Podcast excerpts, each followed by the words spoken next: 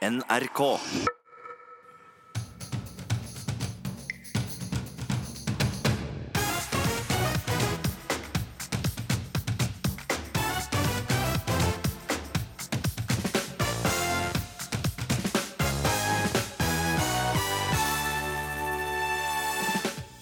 Folk stoler ikke lenger på ambulanseflyene i Nord-Norge. Ukeslutt møtte legen som sa opp jobben i protest. Starts målskåring mot Lillestrøm denne uken ga kollega og LSK-tilhenger Ragna Nordenborg stort ubehag. Når det tredje goalen kom, så fikk jeg sånn fysisk knekk. Så jeg bare, jeg bare stoppa opp, og så bøyde jeg meg ned. Og så måtte kjæresten min komme bort og spørre skal jeg hjelpe deg. Altså, står du på beina? Og det føltes på et lite øyeblikk som at jeg ikke klarte å stå på beina. Så vondt var det. Hun møter NRKs politiske kommentator og Start-fan Lars Nehru Sand i et supporteroppgjør.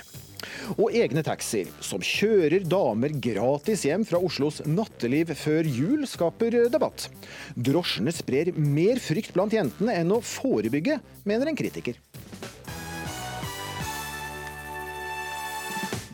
Velkommen til ukeslutt i NRK P1 og P2. Jeg heter Vidar Sem. De er eh, syke og må opp i luften. For mange i Nord-Norge er luftambulansen eneste mulighet når det trengs å komme til sykehus.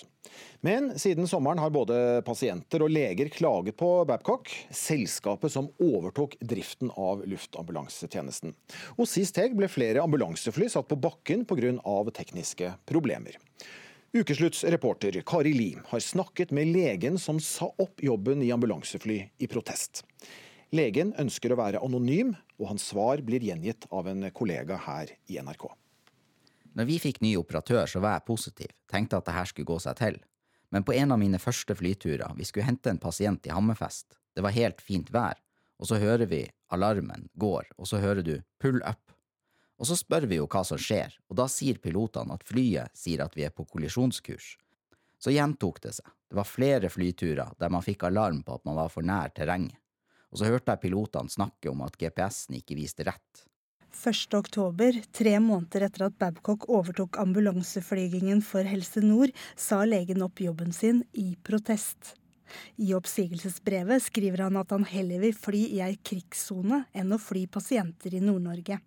Jo, men jeg har flydd flere sesonger, i mørke og vinter og storm.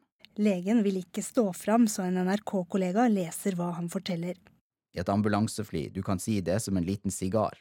Man kan ikke stå oppreist, man kan ikke bøye seg, og når det er skikkelig vind og storm, så er det som å sitte på en tørketrommel, rett og slett. Og da er man spent på om man lander. Man ser ingenting, det sner, og man kommer sideveis inn. Og da tenker jeg om at man da har tatt bort, da tar jeg forbehold om at de har gjort noe, men det jeg opplevde med GPS, at man ikke vet hvor flyet befinner seg, og kan ta feil beslutninger, det er helt da uavhengig av hvor god pilot du er. Og da mener jeg da vil jeg heller synes det var tryggere å fly inn i ei krigssone, og det står jeg absolutt på. Babcocks splitter nye Beach Super King Air ambulansefly står med motoren i gang på bakken. Forrige uke ble flere fly tatt ut av drift pga. teknisk feil. Først til luftambulansekrisa i nord. Uten nok fly må Helse Nord sette krisestab og hente hjelp fra Forsvaret og fra Sverige. Hei, Martin. Jonas heter jeg.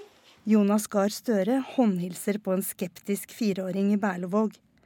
Onsdag er alle i kystkommunen for å vise sin solidaritet. Det er katastrofal det vi står i nå. Det er en nasjonal skandale.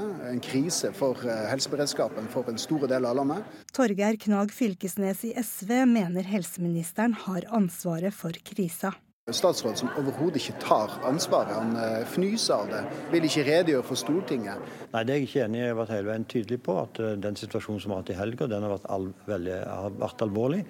Helseminister Bent Høie har vært fornøyd med Babcock tidligere, men er ikke fornøyd lenger. Hadde jeg vært fornøyd med situasjonen, så hadde vi selvfølgelig ikke satt inn Forsvarets helikopter for en stund tilbake. Finnmark, Finnmark,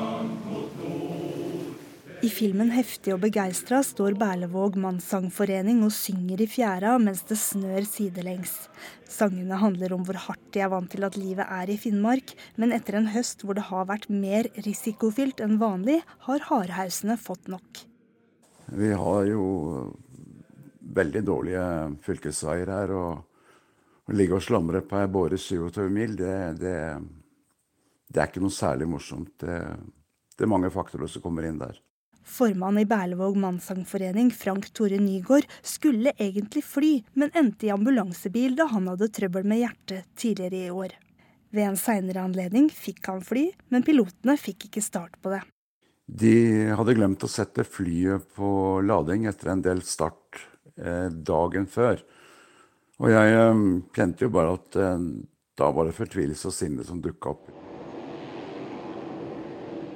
Før Babcock satte fly på bakken sist uke, hadde piloter og helsepersonell rapportert om 13 alvorlige tilfeller siden august. Feilen, som var den samme i alle tilfellene, var at flyet mista motorkraft og la seg på skrå i opptil fire sekunder, rett før landing. Vi har funnet grunn til det, problemet er retta. Driftssjef i Babcock Norge, Hilde Sjurelv, forsikrer at feilen på propellene og motoren er retta. Så kommer vi til å gå gjennom resterende flåte for å forsikre oss om at de innstillingene som skal være der, er korrekt. Jeg har da snakka med en lege som sier terrengalarmen har gått flere ganger. Altså at det er en flystyrt eh, som er nær forestående hvis ikke man foretar seg noe. Eh, Vårt fly er eh, satt opp med et konservativt, eh, eh ei konservativ side, sånn at vi får ei varsling tidligere enn det man gjorde før. Men det er jo ikke særlig betryggende å høre 'pull up, pull up' når du sitter på et fly? Nei, det er, ikke, det er dessverre ikke det. Men det er også en del av virkeligheten med å drive ambulanseflygning i et land med høye fjell. Da skal man være helt sikker på at man skal lande trygt, og det er derfor vi har et sånt varslingssystem. Men hva om det er dårlig sikt? Du ser ingenting utenfor flyet, og så får du beskjed om at du er i ferd med å styrte. Hvordan skal da en pilot eh, forholde seg til det? Ja, Det vet piloten hvordan han skal forholde seg til. Vi har altså verdens beste piloter, verdens beste ambulansepiloter i flyene våre. Hvorfor har det da fungert de første månedene ganske dårlig? Jo, det, Vi har hatt mange tekniske utfordringer, flere tek tekniske utfordringer enn vi hadde forventa med helt nye fly. Det er da en lege som har sagt opp i protest, for han stoler ikke på at dere setter sikkerheten høyt nok. Vi setter flysikkerhet høyt, og hvis ikke det er en opplevd følelse blant våre viktigste samarbeidspartnere, alle de fabelaktige flysykepleierne og flylegene som finnes i dette landet, så har vi kommunisert på en måte som ikke har nådd frem til de. Eh, det må vi bare eh, ta med oss. Vi må bli enda bedre på å kommunisere hva sikkerhet betyr i våre selskap, og hvordan vi bygger en sikkerhetskultur. Og det sa driftssjef i Babcock, no, Babcock Norge, Hilde Sjurel, til reporter eh, Kari Lien. Om du bor i Oslo og liker å ferdes ute på nattestid, eh, så har du kanskje sett den. En rosa taxi med øyevipper. I en måned så har Natteravn samarbeidet med Oslo Taxi for å få kvinner til å føle seg tryggere på byen i julebordsesongen. Taxien den er gratis, eh, men kan ikke bestilles, og den eh, kan kun praies av kvinner. Og Lars Nordbom, generalsekretær i eh, Natteravnene. Hvorfor trenger damer en gratis jentetaxi på nattetid før jul for å komme seg hjem fra? Nei, Vi har jo opplevd at uh, jenter i stor grad har uh, opplevd frykt, og snakker om at de opplever frykt. Det er ikke dermed sagt at uh, man er mer sårbar som jente, for det, er mer sjanse for å bli utsatt for noe man er gutt, for så vidt. Men pga. den opplevde frykten, og for, fordi vi har hatt dette en gang før, så syns vi det var et godt tiltak å kunne tilby kjøring hjem. Og så tenker vi at det at disse rosa bilene med øyevipper kjører rundt i Oslo sentrum, i seg selv er med å skape litt humor, kanskje. og og litt lunere stemning i Oslo sentrum. Hva, ja, hva slags opplevd frykt er det vi først og fremst snakker om?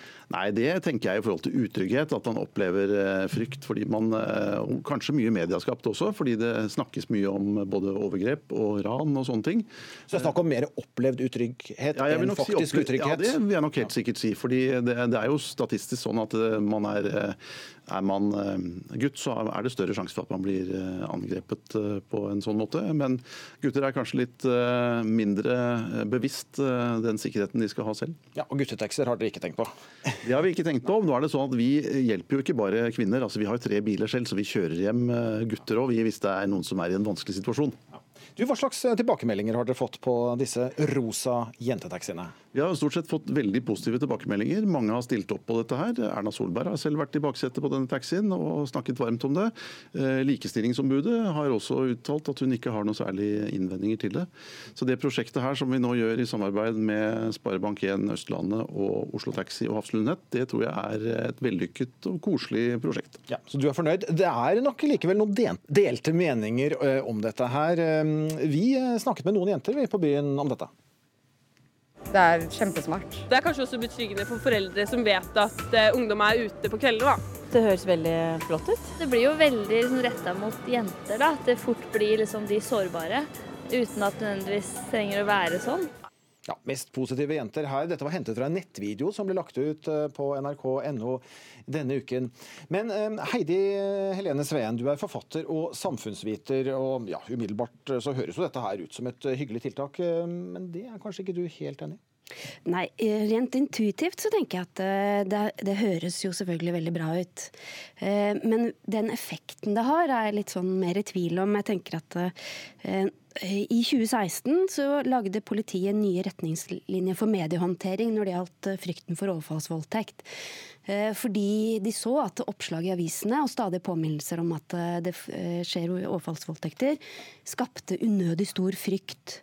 Fordi det er jo en, bare en promille av alle voldtekter som skjer i Norge, som skjer på gatene. De aller fleste voldtektene skjer jo hjemme, av noen offeret kjenner, altså i private hjem. Og så tenker jeg da at eh, Når disse taxiene kjører rundt, så blir de kanskje en påminnelse mer om eh, en fare som skal ligge og true rundt ethvert gatehjørne, eh, heller enn at det skaper trygghet.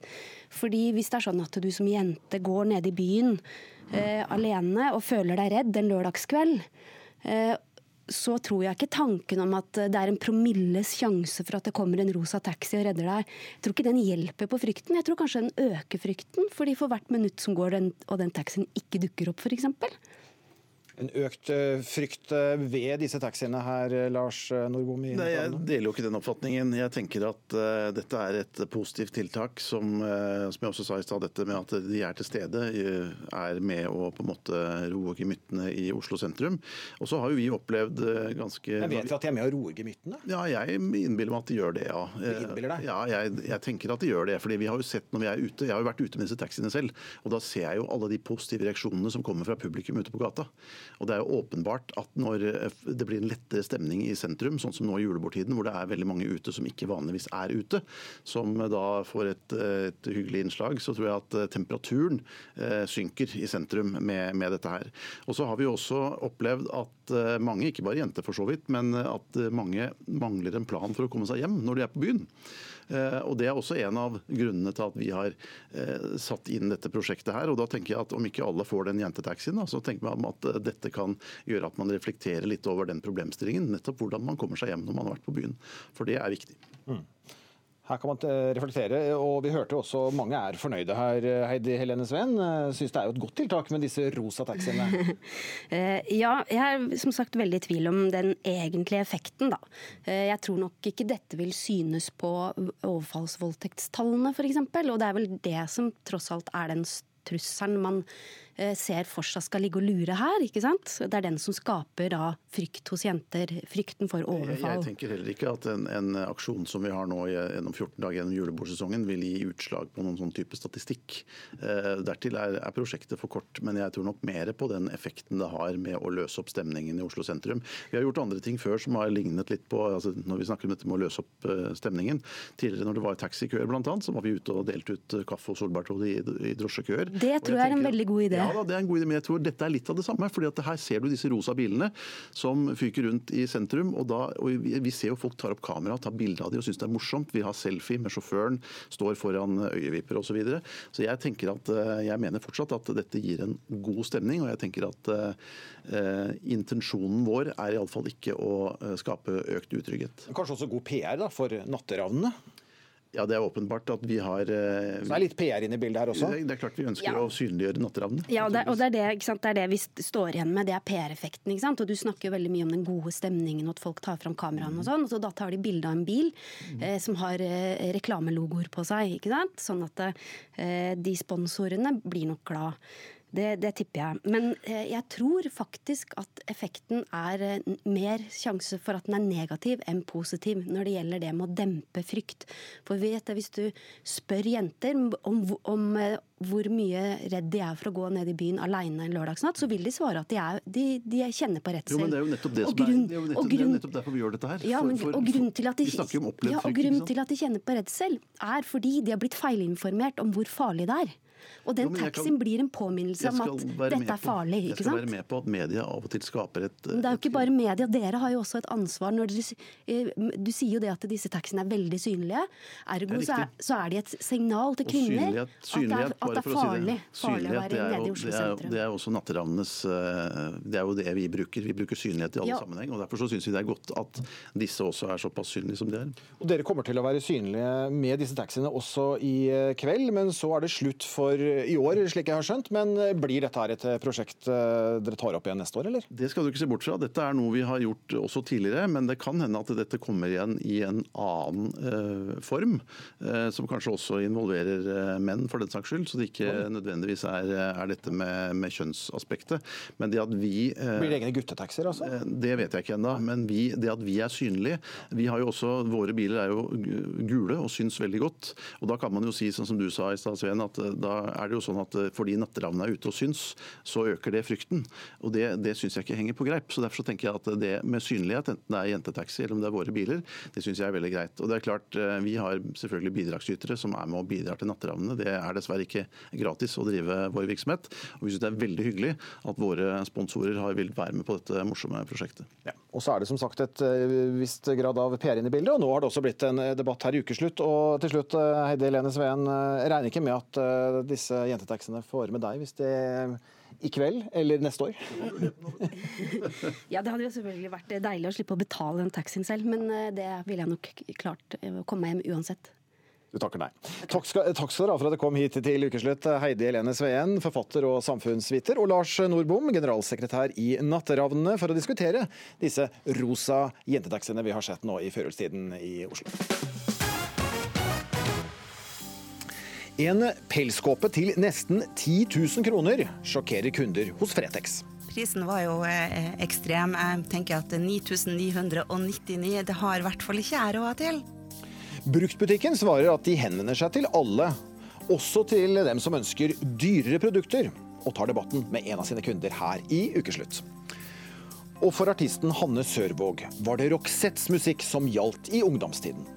Enten vi skulle danse til det, eller le til det, eller grine til det, så var det alltid en Roxette-låt man kunne gjøre det til. Og hun kommer for å fremføre sin hyllest til avdøde Marie Fredriksson her i Ukeslutt.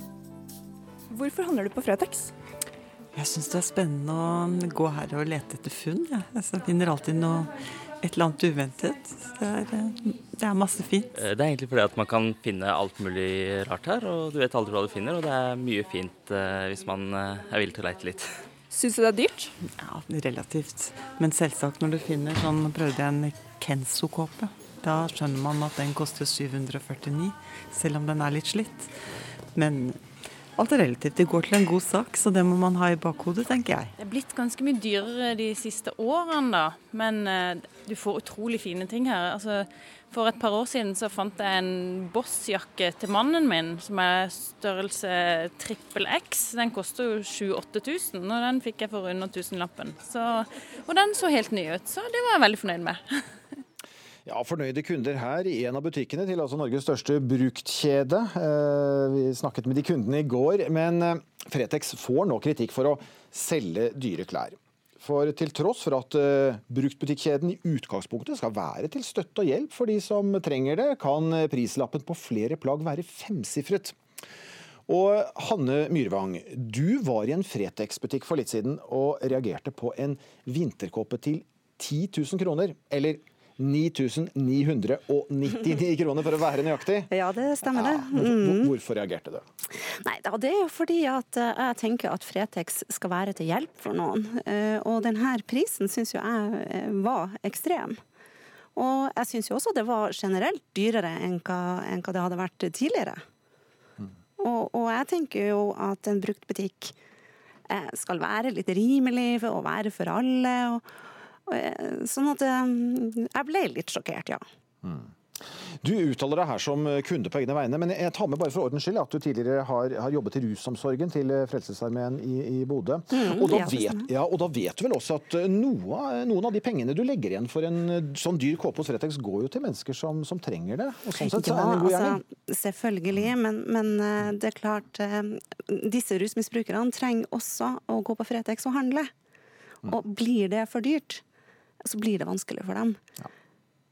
Sånn at jeg syns selvfølgelig det går til en bra sak, det er ikke det. Men jeg tenker at en diskusjon om, om eh, hva er det Fretex skal være, eh, er på sin plass. Ja, og 10 000 kroner er nok for dyrt for ganske mange. Ja, det er jo det, og, og som jeg ser i kommentarfeltet, så er det jo mange som reagerer.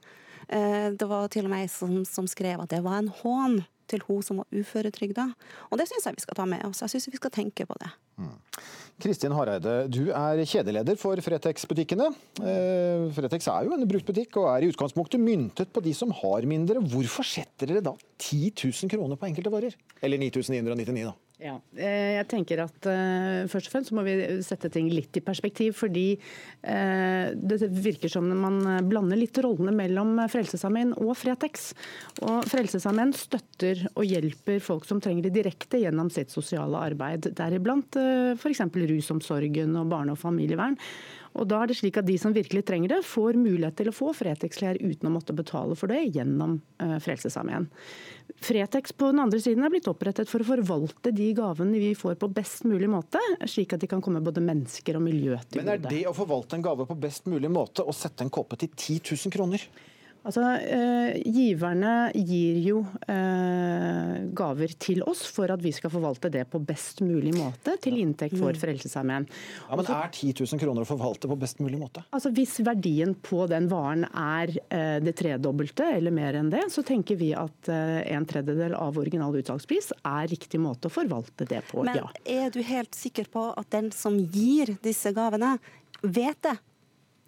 Altså, Vi har eh, vært ganske åpne om eh, hvordan vi priser våre varer og formålet til, eh, til Fretex. Nei, vet du, jeg syns ikke det. Nei. Nei. Jeg, ser jo, jeg leser jo i kommentarfeltet Mm. at det er veldig mange som, som er overraska og sjokkert. Mm. Og da tenker jeg at dere kanskje ikke har kommunisert det her godt nok ut. Nei, og Da tenker vi at dette er en eh, flott anledning til å kunne gjøre det, og, og takker jo for engasjement eh, i sosiale medier og i presse i den forbindelse. Syns det er kjempefint at vi får tatt opp nå. Mm. Det er klart at eh, utgangspunktet vårt eh, så er det eh, særs få produkter som prises i den prisklassen. Mm. Um, det er klart at hvis vi får inn en bunad f.eks. Eh, fra en giver, så vil jo ikke vi selge den til 100 kroner heller. Uh, Så utgangspunktet vårt er at vi prøver å, å basert på varens kvalitet, merke og stand, så vil vi prise det, eh, prøve å prise det til en tredjedel av originalen. Men hvem er det du tenker skal kjøpe da kåpe til, til 10 000 kroner på, på Fretex? Hva slags kunder er det dere nå henvender dere til eh, den slags priser? Altså, eh, Tatt i betraktning så eh, vi henvender oss til en bred gruppe med, med kunder. Det er klart at vi har... Har den kundegruppen blitt bredere? Kundegruppen har blitt bredere, det er klart det. Eh, det er jo, Hvorfor det? Eh, Det har skjedd et eh, skifte i markedet i forbindelse med, med brukthandel også. Det er mer og mer fokus på miljø. Og der henger dere dere på, da? Klart det. Ja, og slik ser at dere får mer kjøpesterke kunder inn i Også. Ja, så det er en klar strategi dette fra Fretex? Det er ikke, vi må jo endre oss i takt med markedssituasjonen også, eh, og, og se jo at folk er mer og mer interessert i kvalitetsvarer. Eh, Nå får jo vi inn eh, ekstremt mange varer, og gjør jo en jobb i forbindelse med sorteringen av det, utplukkingen av det, sørge for at vi får best mulig kvalitet på varene, nettopp slik at varene kan gjenbrukes om og om igjen. Det er jo det som er best for miljøet. Eh, Og Det er et av våre formål. Det er eh, å bidra til et bedre miljø gjennom gjenbruk og gjenvinning. Samtidig som vi også jobber for å bidra til at mennesker får og beholder arbeid. Ja, for, ja, ja. Ja, han- han- han vet- driver- jeg bare tenkte å si det er jo, Du snakker om en trend her med, med, med et utvidet kundegruppe Mm. og kanskje mer kjøpesterke kjøpere. En, en trend hvor man altså tenker mer eh, å kjøpe brukt. Eh, er ikke det greit, da? Nei, vet du hva. Eh, Jeg tenker eh, også det at vi opplever samfunnet i dag som stadig mer usosialt. Det er stadig større grupper som trenger hjelp, som trenger bruktbutikker. Og for meg så blir det da helt feil eh, at Fretex skal konkurrere med andre kjedebutikker. Og igjen, det her har ikke vært kommunisert godt nok ut. Så det er ikke alle som er klar over det. Altså, de er rett og slett skuffa. Fordi at Fretex har jo hatt en veldig tydelig sosial profil. Eh, så det ser vi jo på eksemplene i kommentarfeltet. At eh, behovet er stort. Det er mange som trenger bruktbutikker, og det må vi også ta hensyn til. Og akkurat nå så opplever jo jeg at kanskje Fretex er verken fugl eller fisk. Og jeg syns jo det er helt greit at de selger dyre ting, men de har jo egen nettbutikk. Kan de ikke gjøre, gjøre det? Og så kan heller bruktbutikkene være for de som trenger det. Og særlig nå i jula, så ser vi jo absolutt det. Og når du sier at det ikke bør være full fisk, så regner med at du, fortsatt, du mener at de fortsatt bør være fisk da, og, og selge, selge, selge billige produkter, eh, og ikke sånne dyre, dyre De kan jo kanskje selge dyre ting en annen plass. Eh, Jeg skjønner jo det at de, de har behov for å få inn penger. Og så må det Altså, giverne, de som gir Men da snakker vi kanskje om en konkurrent. Da. Det er- er et marked her som, som Fretex ser seg eh, tjent med å, å, å være i. Eh, Og da kan det jo plutselig dukke opp en, en annen konkurrent som kan begynne å selge dyre bruktklær, og så Ja, altså, men er markedet det der? som er- ja. Det ser vi jo flust av i dag. Vi ser jo at folk selger det selv også. De selger det jo mer og mer på Finn, på kjøp og selg-markedet Mm. på Facebook, på Tice. Og det er klart at vi har jo en rolle i det, i det bildet, vi òg. Du, du nevner jo nettbutikken. Det er jo en av grunnene til at vi ønsker å være tilgjengelige. Mm. Men hvis du ser på spekteret eh, av varer vi har og priser i butikkene, gjennomsnittsprisen på plaggene våre er eh, 81 kroner, og startprisen ligger på 29 kroner. Ja, altså Det er jo selvfølgelig snittprisen. Men altså når du ser eh, en som kommenterer her da, at eh, han har kjøpt seg pyjamasbukse på Sparkjøp til 99 kroner, og Fretex priser den til 199, da blir det litt feil. Da føler folk seg lurt. Og det har jeg forståelse for, Mm. og det, det er jo beklagelig. eh, Men vi er eh, mennesker og gjør feil vi også, så det er klart at eh, vi gjør feil på sorteringsanleggene hver dag, vi. Men vi jobber så godt vi kan for å bli bedre. Ja, det gjøres feil, og så er det sikkert en trend her med populære bruktklær, som også Fretex ser seg nødt til å, å kaste seg inn i. Men, mm. men Kristin Hareide til slutt her. Eh, 9999 kroner. eh, Kommer det nye plagg som slår den prisen? Nei, det vil det nok eh, sannsynligvis ikke gjøre. Ok, Så Fretex topper med 10 000 kroner. Det er, det er takk. det er, det jeg tror du kan telle de på en hånd. Eh, Så, og det er klart at Når vi snakker om en snittpris på 81 kroner, så har vi hittil i året solgt 850 000 plagg. Så det er klart at eh, dette er ikke flertallet av varene vi har i markedet vårt. Vi får se. Takk skal dere ha for at dere tok debatten her i Ukeslutt. Eh, Hanne Myrvang, eh, som altså er kunde i eh, Fretex butikk, og Kristin Hareide, som er kjedeleder for Fretex-butikken. Takk for det. Takk for det. Og nå blir det fotball og sterke følelser i Ukeslutt.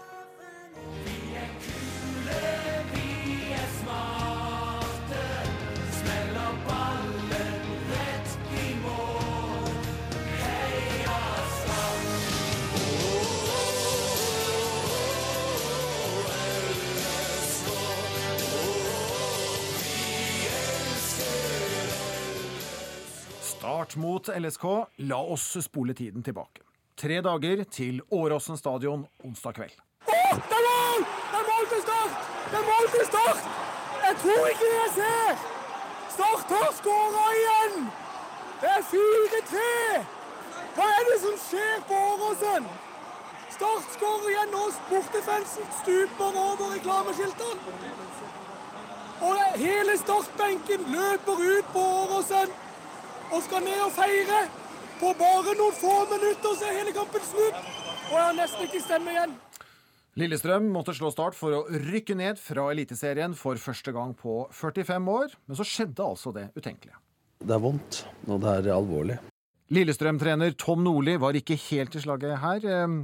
Fra å lede 4-0 sparket altså Start inn tre mål på seks minutter og skjøt Kanarifuglene ut av Eliteserien. Ragna Nordenborg, hardbarket LSK-supporter. Mm. Fortsatt deppa? Ja. Og du er jo journalist eh, her, og programleder for den nye podkasten Oppdatert. Og på onsdag, timer før kampen, så kunne vi høre at du fryktet det verst tenkelige, og hadde det slettes ikke godt. Her er et lite utdrag. Jeg må bare si det rett ut. De siste dagene har vært eh, ganske tunge. Folk har nok sett det på meg på jobben.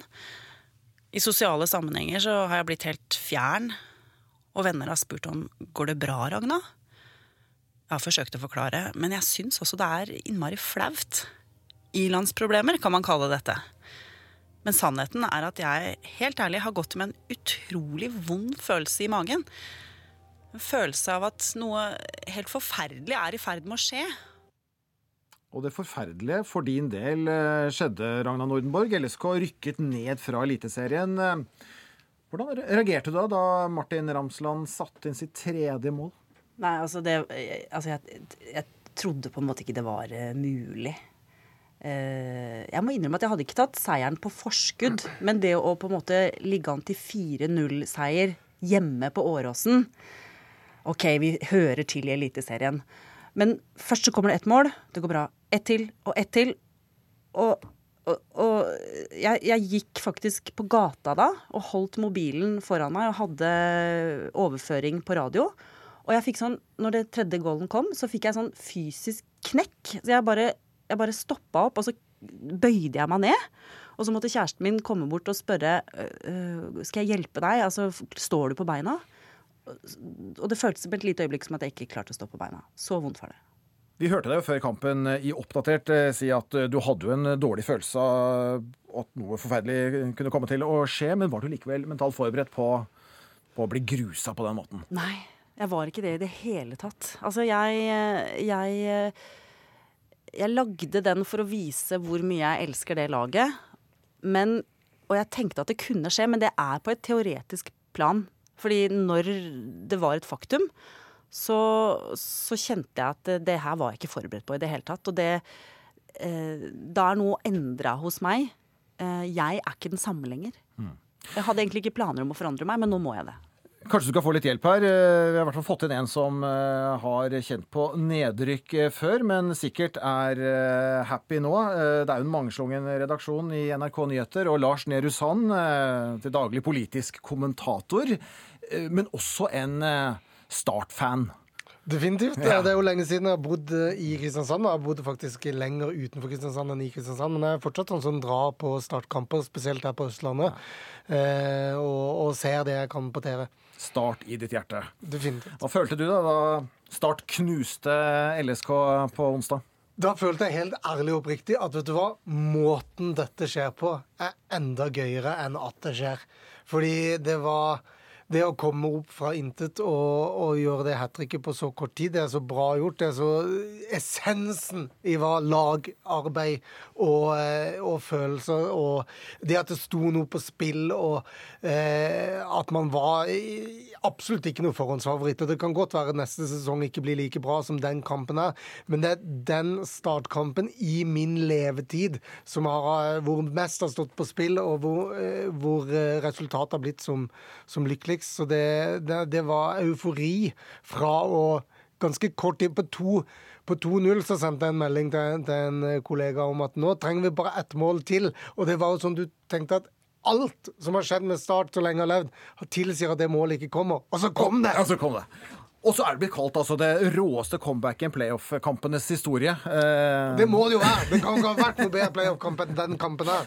Det var, eller det verste comebacket da, i playoffs historie. Det er fotballhistorie. Altså, det er ikke, jeg prøvde å komme på andre matcher. Det skjer jo fra tid til annen.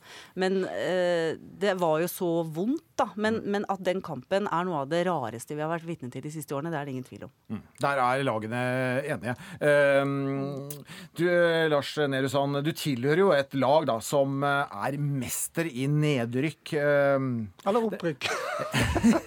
en jojo. altså, for å hjelpe Ragna litt her, som er så deppa. Skuffelser, eh, det kjenner du til som Start-supporter? Ja, altså Start har aldri vunnet noe av betydning så lenge jeg har levd. Men syns du det er grunn til å ta så på vei som det LSK gjør etter nedrykket? Ja, det sier jo mye mer for Lillestrøm enn noensinne ville gjort for Start. Ja, 40, 45 år siden sist. Ja, ja, ja, men det, er, det, det, det, skjønner jeg godt at det gjør. Men, eh, men jeg har hatt nok vonde turer til Åråsen og, og sett altfor masse dårlig fotball der oppe til at det er noe trist på Lillestrøms vegne. Mm. Men du, Har du noen gode råd da, til eh, en som har, fra en som har ligget nede mange en gang, til skal vi kalle aristokraten som må ned fra pidestallen her? Du får reist til mange steder i Norge du ellers ikke ville vært. da. Nå, Strømmen? Ragna har sikkert vært på Strømmen før, men jeg har aldri vært der før jeg var på Strømmen stadion. Ja. Ja, det er, eh, det er jo eh, avgrunnen vi kaller dette. Det er, jo ikke, det er jo ikke en liga vi vil være i. Førstedivisjon. Men eh, man kan jo se på fotball som en form for nyreligiøsitet. Jeg snakka med mange religionsforskere i forbindelse med podkasten vi lagde om hvorfor det smerter sånn. Eh, Og da sa jo han at eh, du kan jo se på fotballen som, som nyreligiøsitet, og du kan se på stadion som vår tids katedral. Eh, og du må bare forstå at alt det som er viktig for deg, altså trommene, flaggene, til og med blussene, er en del av å skape et enormt fellesskap. Men sammen, du må også huske på det at alle religioner har også mye innslag av lidelse. Så det jeg er med på nå, det er lidelseshistorien. Og den må man eh, bare være med på. Man må ikke koble seg av nå. Man må bare leve med laget sitt i smerte. Mm. For det har jo Lars Nehru Sand gjort, eh, både i oppturer og, og D-turer. Og, og Start jo fortsatt et samlet lag med en supporterklubb. Ja, nå er nok Det å skape en stolthet rundt dette prosjektet er nok noe av det Start må jobbe med på, på kort tid hvis vi skal holde oss i Eliteserien neste år. Altså Det håper jeg virkelig at er Kristiansand som by, Sørlandet som landsdel og eh, alle oss rundt som, som bør føle oss kallet, da, eh, klarer å vise neste år at det kan være en stolthet og en kultur også i, for, for Start og rundt klubben i, i Kristiansand neste år. Men dere sier meg helt eh, på tampen her. Um, Jeg fant jo eh, i nyhetsavdelingen eh, to supportere. Vi tenkte ikke gå så langt. Men jeg, da, som er delvis oppvokst i Oslo, har ikke noe forhold til verken Vålerenga eller Lyn. Jeg er en lagløs person. Hva går jeg glipp av, Ragnar Orberg? Du går glipp av så mye, og det var det jeg har liksom kjent så på de siste dagene. Jeg er så glad for at du stilte det spørsmålet. Fordi egentlig så jo mer du skjønner hvor viktig og hvor gøy og hvor magisk fotball kan være i denne forferdelige kampen som vi akkurat eh, har snakka om, så skjønner man jo også hvor utrolig sterkt fellesskap det er. Og det å bare ha noe som betyr noe for veldig mange rundt en, det er jo icebreakeren på jobben, det er eh, en mening med livet når du butter. Det er jo alt. Så egentlig så skjønner jeg ikke at folk ikke er glad i fotball. De går glipp av eh, meningen med livet. Men jeg slipper lidelsen og den her fysiske vonde knekken du hadde, da. Ja, Men du blir sterkere av motgang. det er det. Lars? Det er jo det at i en, den er nesten som en parallell virkelighet hvor det er noe som jo egentlig er uviktig for livet ditt, som er ekstremt viktig ved å gjøre det, ved å sette deg litt utenfor deg sjøl, gå på kamp, stå på stadion og følge med på, på å være der og da bare opptatt av det som skjer på den gressmatta, og tenke at akkurat nå så er det viktigere enn alt annet jeg går og tenker på. Det er jo eh, en helt eh, ekstatisk situasjon å være i. Det er liksom som mindfulness liksom, er liksom, kommer litt sånn eh, etterpå. Det er bare å være fotballsupporter, så trenger du ikke å betale masse penger for de kursene. Blir inspirert her. Enn så lenge så er jeg lagløs. Eh, Takk for at dere kom til ukeslutt. Eh, Politisk kommentator her i NRK, Lars Nehru Sand, og programleder for eh, NRKs nye podkast Oppdatert, eh, Ragna Nordenborg. Ukeslutt. Hvor vi nå skal 77 år tilbake i tid. Arbeidet med Sørlandsbanen skrider raskt fram. Opptakene er fra Kristiansand, Moi-banen. En banestrekning som er 106 km lang og har ikke mindre enn 44 000 meter tunnel. Bare Hegbostadtunnelen er 8 km lang og Kvinesheitunnelen 9 km. Om lag halvparten av banestrekningen er alt skinnelagt. Ja, fra Filmavisen her, og to år senere, i 1944, så åpner hele Sørlandsbanen. Og det har vært Norges statsbaner, NSB, som i år fikk navnet Vy, som har kjørt togene på strekningen. Men i morgen er det slutt. Ja, vi kan vel kalle det at vi er ved en slags milepæl, for etter anbudskonkurranse så er det det britiske selskapet Go-Ahead som fra i morgen av overtar Sørlandsbanen. Vi ble med på en av Vys siste togturer fra Oslo til Stavanger. Vi ankommer Nelaug om fem til seks minutter.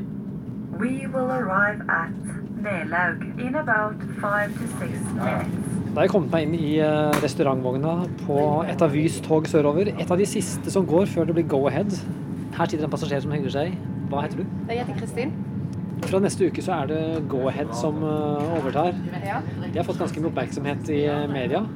Litt positivt og ganske mye negativt. Hva tenker du rundt det? Det er jo eh, litt negativt at det blir dratt ut av Norge. At det ikke er Norge, eller norsk styrt. Eh, men positivt. Ja, alltid godt med en forandring. Hvor lang går turen i dag? Den går til Sandnes. Den går til Sandnes, ja. Mhm. Burde kanskje skjønt på dialekten. Nesten, ja. God tur videre. Takk. Og når jeg først var i restaurantvogna, måtte jeg også snakke med Randi bak disken, som slettes ikke gruet seg til å bytte selskap. Nei, det stemmer det. Ja, det, Fra neste uke så er det go ahead. Ja, fra søndag av. Ja, hva tenker du om det? Du, jeg gleder meg. Det er jo litt trist, men eh, vi gleder oss. Du mister ikke jobben, altså? Nei da, Nei. vi gjør ikke det. Blir det ny eh, meny? Det blir ny meny, det blir nye uniformer, og menyen blir kjempespennende. Ja, Blir det mer britisk? Fish and chips og scones? Nei da, det blir, det? blir eh, mer faktisk lokalt fra Stavanger og Egersund og fra Sørlandsbanen. Ja, Med din dialekt så er vel du glad for mer mat fra Stavanger, kanskje? ja, maten er ikke fra Stavanger, men drikka er fra Stavanger i alle fall. Så ikke noe vemod med at det går fra Vy til go ahead? Nei, altså vi kan ikke gå tilbake i tid, og vi må gå framover. Så sånn er det. det. Selvfølgelig er det litt trist, men eh, ja, det blir spennende. Jeg gleder meg. Vi er snart i Kristiansand. Hvor langt skal du i dag? Jeg skal tilbake igjen til Stavanger. God tur hjem, da. Jo, takk skal du ha. Ja, Det var reporter Yngve Stiansen som tok seg en tur med Sørlandsbanen. Nå skal vi ned til Oslo sentralstasjon. For om ikke mange timene, nærmere bestemt 14.25, så går det aller siste toget i Vys regi helt til Stavanger. Og kommunikasjonssjef i Vy, Åge Kristoffer Lundeby, du står på en plattform ved Oslo S. Er det mye tog rundt deg nå?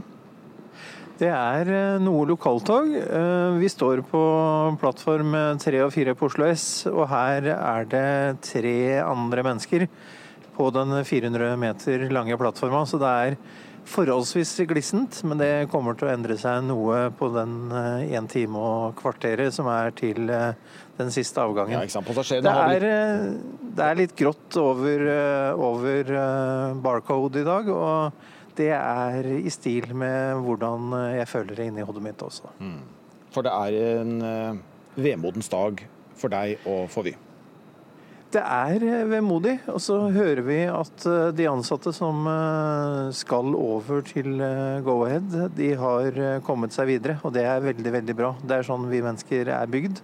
At vi vil komme oss videre, og vi skal komme oss videre. Men eh, akkurat i dag så er det vemod. Det er mange, mange tiår med historie som får en ny milepæl, og det er, det er klart at vi har eh, kjørt Sørlandsbanen i eh, generasjoner. Både eh, ansatte og kunder har, har vært med oss i generasjoner på Sørlandsbanen. En trist eh, kommunikasjonssjef i, i Vy der, eh, som skal bli med, slik jeg har skjønt, også eh, toget til Stavanger i dag. Det har vel ennå ikke kommet helt til, til plattformen. Du Åge Kristoffer Lundeby, må jeg høre med deg, for det har jo vært mange nedturer for Vy. Først så mistet dere Sørlandsbanen. Fra i morgen av, altså. Men også det som kalles Trafikkpakke Nord, bl.a. Dovrebanen og Nordlandsbanen. Det faller i hendene på svenske, svenske jernveger neste år. Eh, Hva har dette gjort med selvtilliten til Vy? Det er klart at eh, selvtilliten vår eh, raser bra nedover når vi måtte omstille oss og har gjort en kraftig omstilling. Og det allikevel havna på to andreplasser før vi heldigvis på mandag tok eh, Bergensbanen. Og den lettelsen som eh, det var, det var helt utrolig eh, når hele bygget vibrerte og man eh, mottok eh, gratulasjons-SMS-er fra fjern og nær, og konduktører hilser blidt og, og skriker av lykke. Det, det var veldig godt for oss. Jeg regner med at gleden st- eh, sto i taket da. For, for hadde dere ikke fått Bergensbanen, da hadde dere vært ille ute. Det er klart at eh, når man eh, driver en stor og tung omstilling for å lykkes med konkurranse, om man ikke klarer det, så er det, er det tungt. Og, og da må man eh, feire de seierne som går ens vei. Du, Hva kommer dere i Vy til å savne mest med Sørlandsbanen? Sørlandsbanen er jo folka. Eh, Det blide Sørlandet og, og også rogalendinger som er utrolig morsomme folk. Eh, Så er det enkelte ting vi ikke kommer til å savne så mye. Ja, det sånn som f.eks. bløt snø over Vegårshei som gjør at trærne detter over kontaktledningen, så togene ikke får kjørt. Eh, Det er vind som eh, tar og rusker med seg saltvann og blokkerer signalanlegget til Bane NOR på Jærbanen. En del sånne ting. Men alt i alt utrolig flotte folk, både inne i togene, som kunder og som ansatte. De kommer vi til å savne. Det skjønner jeg. Men det du, du sier om Sørlandsbanen, derfor skulle jo tro at eh, Sørlandsbanen, som ikke er en fjellovergang, kanskje at man, det var en grei bane å kjøre, men det er tydeligvis eh, noen komplikasjoner der som eh, Go-Ahead også kan vente seg. Det er klart at det er Det, det vet Go-Ahead Nordic allerede, at det, det finnes utfordringer. Men, men det er klart at man, eh, man bygger seg noen erfaringer på, på noen tiår. Mm. Og hvis du nå på tampen skal overbringe en hilsen da, til din konkurrent Go-Ahead, eh, hva blir det? Ta godt vare på Sørlandsbanen, ta godt vare på kundene og ta godt vare på alle ansatte. Vi kommer til å savne dem, men vi ønsker dere lykke til i årene som kommer. Mm. Og den hilsen, Åge Kristoffer Lundeby Yvi, den lar vi kjøre av gårde rundt 500 km til Sørlandsbanens endestasjon. Stavanger. Og på en plattform der så står du, direktør i Go-Ahead Norge, Katrine Elgin. Fikk du hilsen? Jo, takk for det, og hilser tilbake til Åge Kristoffer. Tusen takk. Fra i morgen av så er det altså dere som opererer det som nå heretter blir kalt eh, Sørtog. Og du står på en plattform ute på, eh, på, på Stavanger stasjon, eh, skjønner jeg? Det gjør jeg. Ja. Akkurat nå så står det et regiontog her som gjør seg klar til å gå tilbake til Oslo om ikke så altfor lenge. Fortsatt i Vys regi. Det er helt riktig. Ja, hvor, du, hvordan jobbes det nå i kulissene for å få alt på plass eh, til i morgen tidlig? Nå er det alle de siste brikkene, eh, de små detaljene som må på plass. Hva slags detaljer er det? eh, Nei, det er eh, Vi skal overta alt av materiellet, f.eks. Det, er, det har jo vært en utfordring for oss at vi overtar først dette materiellet nå i løpet av disse siste timene. Eh, Så, så den drakten vi kommer til å kjøre med fra i, i morgen tidlig, det er jo det vi kjenner som den gamle NSB sin, sin drakt. Eh, Så selve overtagelsen av alt dette materiellet, det, det gjøres nå i, i disse, tider, disse, disse timer og gjennom hele natten. Viktige detaljer som skal, som skal på plass. Og så kommer jo alt av eh, våre nye medarbeidere. Vi får 200 personer eh, om bord, som jeg sier, i, eh, i eh, morgen. Eh, starter i morgen. Eh, og det er jo en kjempemilepæl for oss. Vi har lengtet etter denne dagen og skulle ønske alle disse om bord for å starte, virkelig starte den reisen og den kulturen som vi, som vi så sårt ønsker å komme i gang med. Mm. Men akkurat nå, her og nå så er det litt mye stress. Det kan du kanskje ærlig da vedgå. Akkurat nå så er det mange som løper fort. Men du, hvordan vil du snakke om, om uniformene som blir annerledes? Eh, Togene er de samme, eh, leies fra norske tog. Eh, Hvordan vil passasjerene merke dette her? Ja, den, den store endringen fra i morgen av er selvfølgelig uniformene, som du påpeker. De flotte uniformene våre. Vi er kjempestolte av de. Og den store Er de bedre enn Rys, eller? Ja, det syns kanskje du? Det må, jeg, det må jeg få lov til å si, ja. Og den store syretesten var når vi hadde alle ansatte innom og fikk prøve og tatt mål, for disse er jo skreddersydde.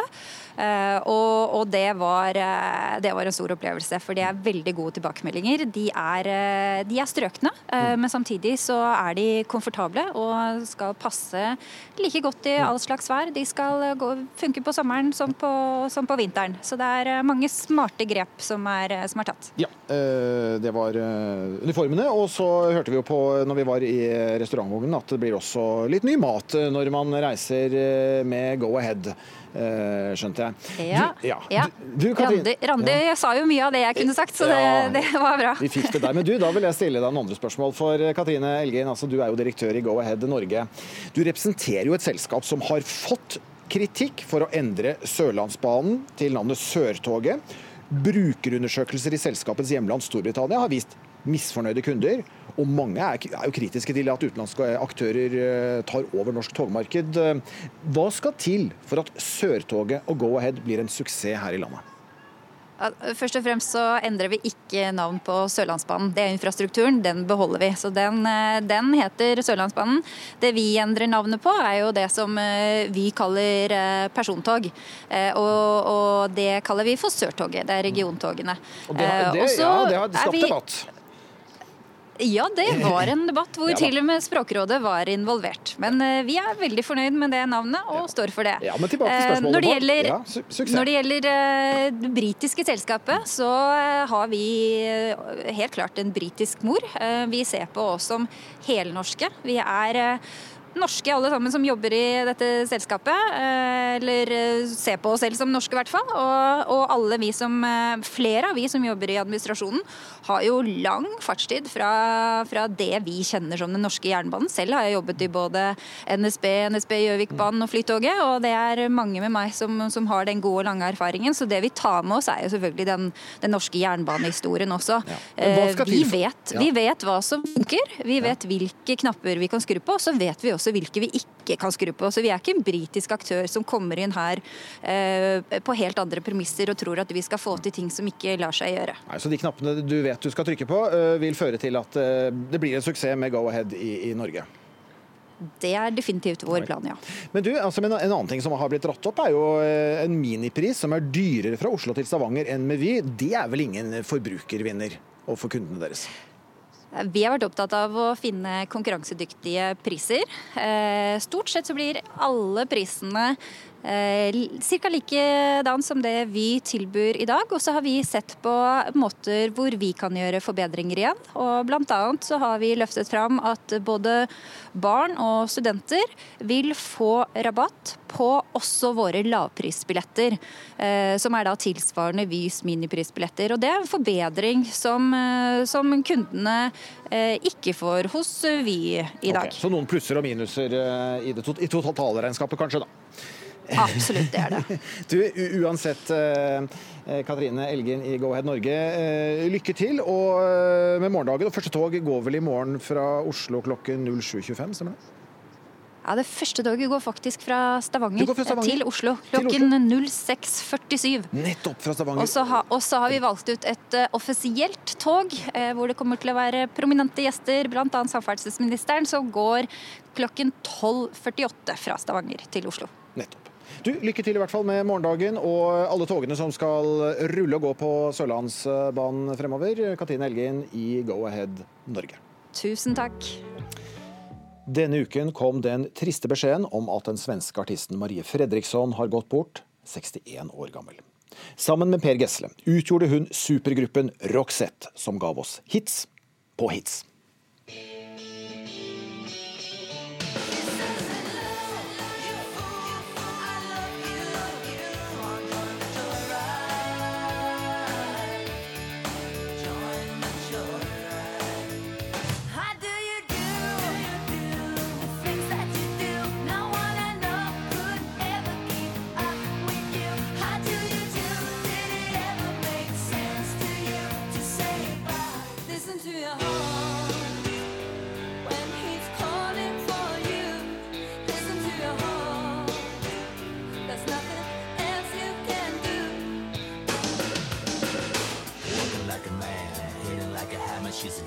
Scam. Never was a quitter, tasting like a raindrop. She's got the look. And she goes.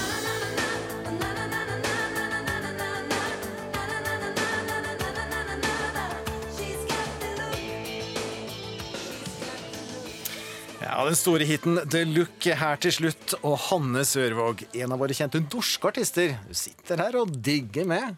Eh, Det er jo altså pop på sitt aller beste, dette her. Og det er jo som å lese gjennom minneboka fra barndommen og ungdomstida. For alle disse låtene her preger jo en eller annen del av det. Og det Look har du sunget mye til.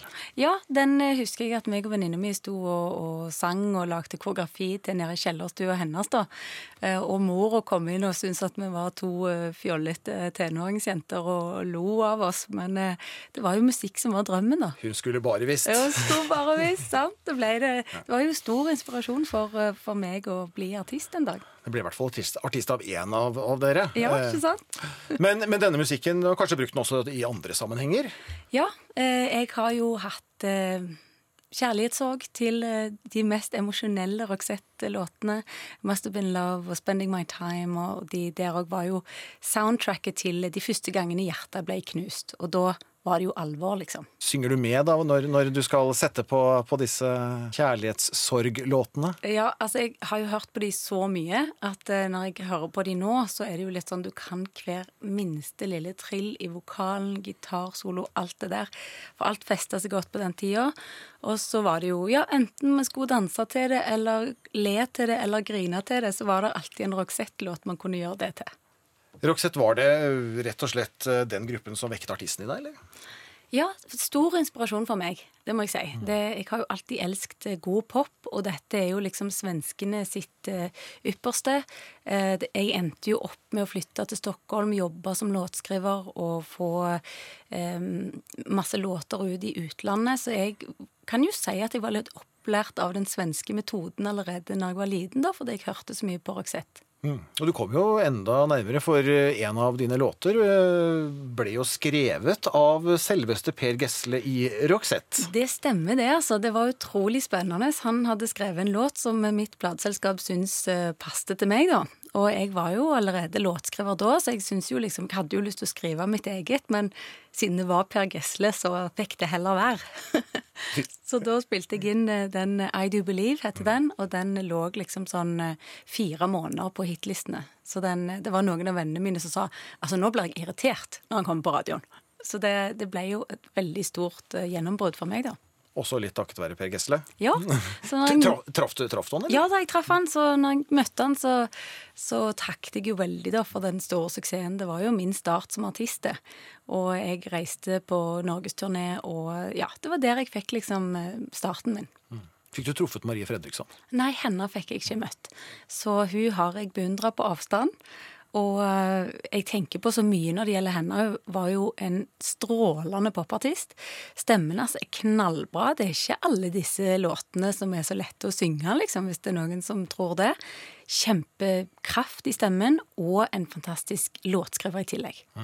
Og du skal Du er invitert hit for, for å hylle nettopp Marie Fredriksson med gitar og sang. Ja. Ja, Men før du tar frem dine instrumenter, eh, så må jeg høre litt mer med deg. eh, Hva er det med musikken til Roxette som fenger sånn?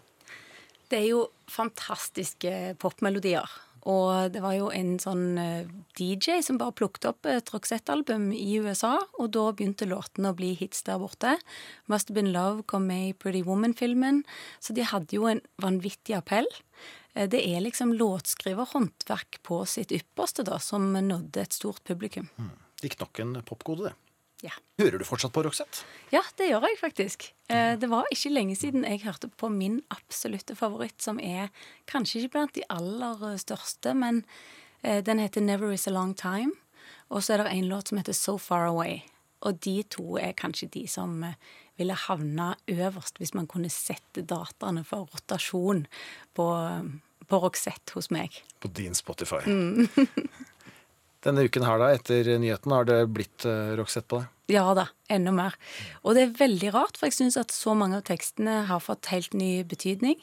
Um, I Must Have Been Love så synger han It's a hard winter's day, I dream away. Det var spesielt plutselig. Um, og òg på hennes egen tro i en vinterverd. Plutselig, siden det var liksom på denne tida her hun gikk bort, så fikk ganske mange av de tekstene ny betydning. Og som eh, Per Gesle avslutta med i sin hilsen til henne, så skrev han jo da Things will never be the same. Og nå skal du få ta frem eh, musikken for ukeslutts eh, lyttere. Hva er det vi skal få høre? Eh, Det var så vanskelig å velge bare én å hylle henne med, for hun er så mye. Vokalist, artist, låtskriver. Så jeg måtte ta en av de mest kjente. Tro, som er hennes egen, som hun har skrevet sjøl, må, må hylles som låtskriver òg, syns jeg. Og så den som Per Gessle hilste til, så fint til henne med, da. At 'Things will never be the same'. Losing you, things will never be the same. Can you hear me call your name? If we changed it back again, things would never be the same. Must have been love, but it's over now. It must have been good, but I lost it somehow. It must have been love, but it's over now. From the moment we touched till the time has run out. Tro, jag vill känna tro. Jag vill känna morgondagen nalkas här i lugn och ro. I en vintervärld finns det någon tro. Jag vill känna önskan om en tid så ljus som friheten. Känna tro igen. Veldig nydelig, Hanne Sørvåg. Tusen takk. Og tusen takk for at du kom hit til ukeslutt eh, og delte din hyllest til Marie Fredriksson og Roxette. Veldig kjekt. Du hører altså på Ukeslutt i NRK P1 og P2. Og straks skal vi på julebakst, og det er en spesiell kake som skal lages. Serinakaker er jo noe veldig mange spiser. Og det er jo vært en av de syv, og er fremdeles en av de syv som vi spiser. Ja, Våre juletradisjoner de holder stand, men hvem er de ivrigste bakerne før jul? Følg med. For nå skal det handle om jul og førjulstid her i Ukeslutt. Sosialt samvær og tradisjoner er det viktigste for nordmenn i jula. Det viser den nye julerapporten til Forbruksforskningsinstituttet SIFO. Og blant juletradisjonene er julebakst. Og ifølge rapporten er de eldre ivrigst, og det er langt flere kvinner enn menn som baker til jul. Ukeslutt tok en tur ut for å høre med folk om deres tradisjoner. Baker du syv slag til jul? Nei, det gjør ikke det. Nei. Nei. Ingen baker ingen, jeg. Kjøper ikke noe heller. Jeg har ikke hatt tid i år, men vanligvis. Nei. Eller litt. Litt. Nei, I gamle dager gjorde jeg det, men nå blir det liksom de som folk liker best. Berlinerkranser. Og så lage en sånn uh, whiskykake. Hva er det som er favorittkaka di? Pepperkaker. Kakemunn? Jeg tror det er den der whiskykaka. Men den må lages sånn minst fire uker i forveien og stå lenge sånn og godgjøre seg.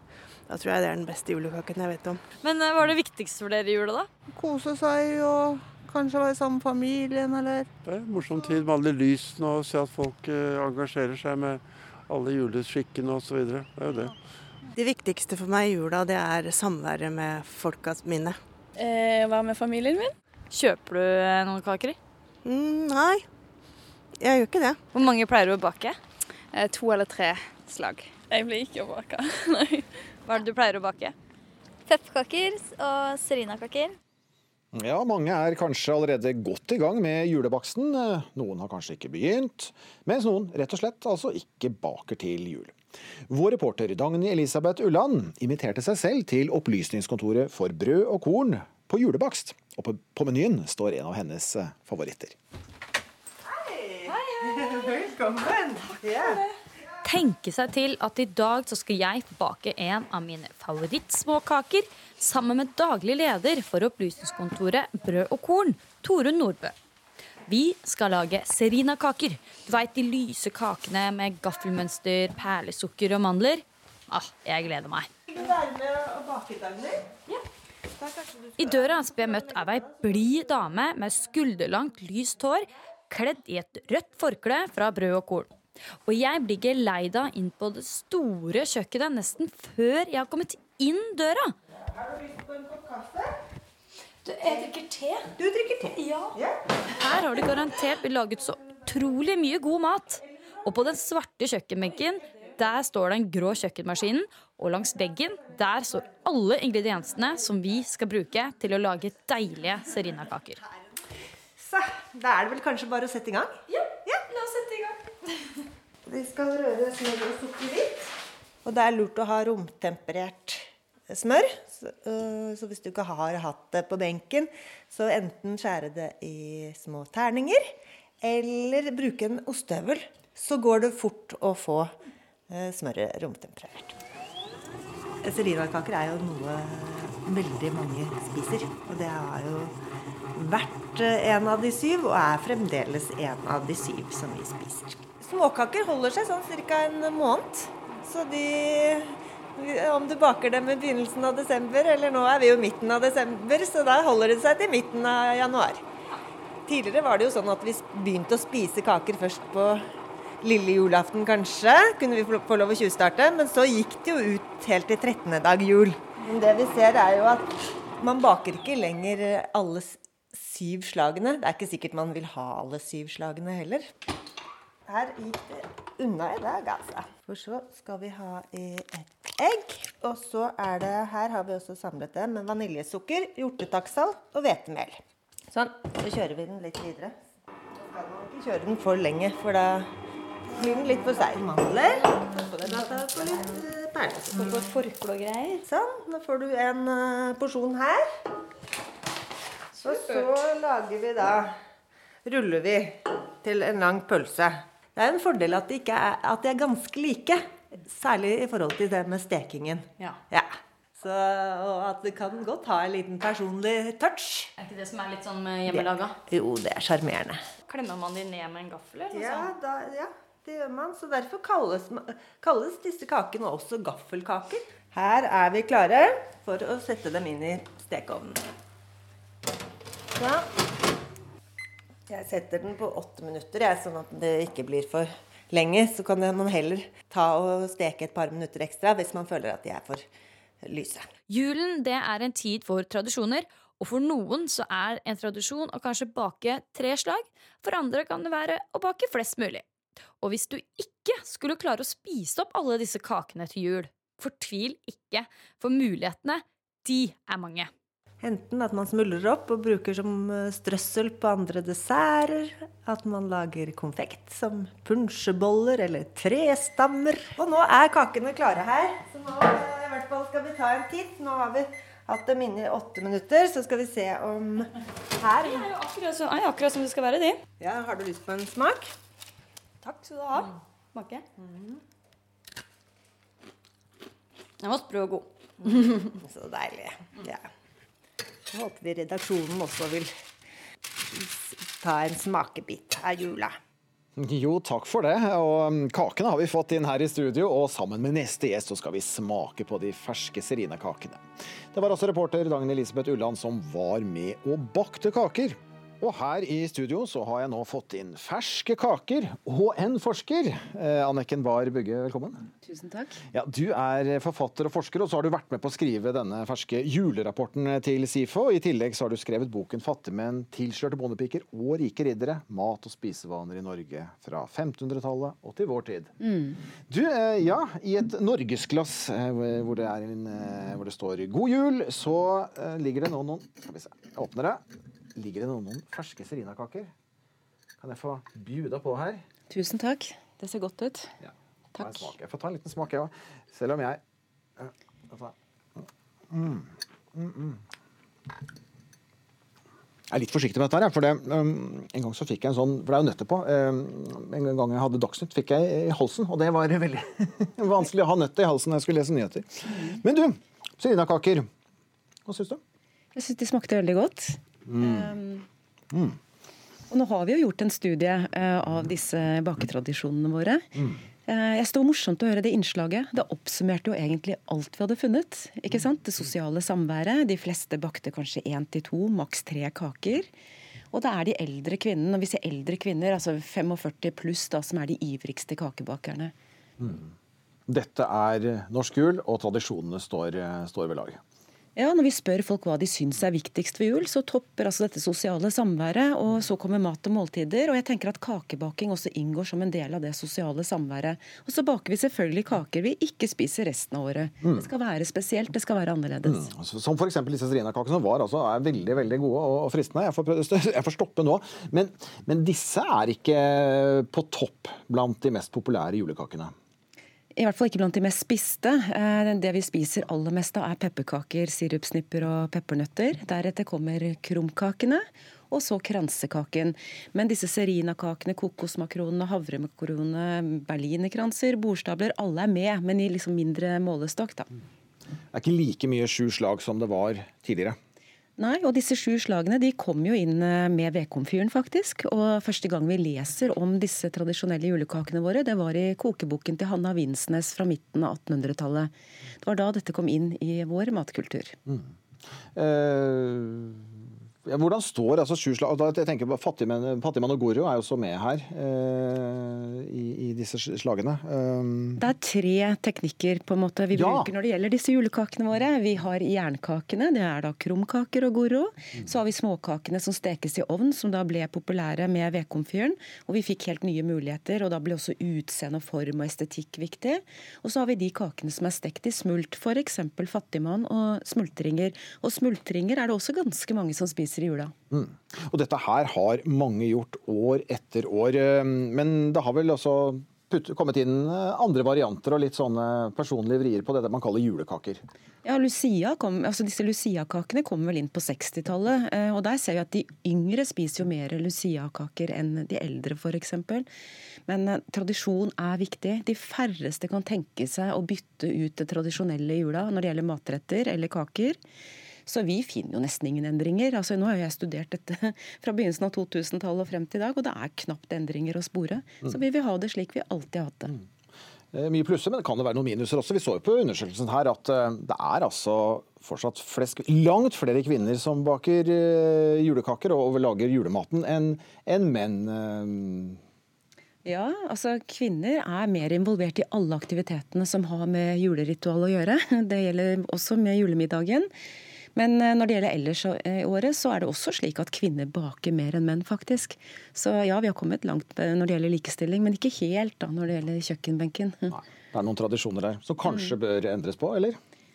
Jeg skal ikke ha noen sterke meninger om det. Nei, jeg tror Jeg tenker at det er eh, altså Vi ser jo det at man realiserer mye av det sosiale samværet også gjennom maten og måltidene. Folk koser seg med det, liker det. Det er en hyggelig aktivitet. Og det dere ser i rapporten også er at det er nettopp dette her som er det viktigste. eh, Det sosiale samværet eh, og kanskje den gode maten. Ja, og så ser vi også at Det folk opplever som utfordrende, er jo altså, store økonomiske utgifter, eh, gavepress, kjøpepress, mens det sosiale samværet det oppfattes som veldig positivt. Og Vi bruker også mer tid på sosialt samvær i jula enn resten av året. Og også på dette med lek. Vi bruker mer tid på mat og måltider. Så det er, ja, vi koser oss med det, rett og slett. Og det kommer vi kanskje fortsatt til å gjøre, forhåpentligvis. Ja, Jeg tror ikke vi kommer til å se store endringer de årene som kommer. Jule og juletradisjoner har eh, kommet for, å bli- for å bli. Eh, har du, skal du ha deg en sarinakake til, eller? Jeg tror det holder med én nå. Men de var gode. Veldig gode. De var gode. Er lov å være mett. Du, eh, riktig god jul, da. Tusen takk. Har du bakt dine kaker, eller? Ja, skal jeg innrømme det? Nei, jeg har bakt én kake foreløpig. Blir det flere? Kanskje. Du, eh, Anniken Bahr Bugge ved SIFO, som også ligger under Oslo OsloMet, tusen takk for at du kom til ukeslutt, og god jul til deg. Der var du ansvarlig for sendingen, Filip eh, Johannesborg. Teknisk ansvarlig, Hanne Lunås. Og her i studio, Vidar Sem, som ønsker en fortsatt god førjulshelg.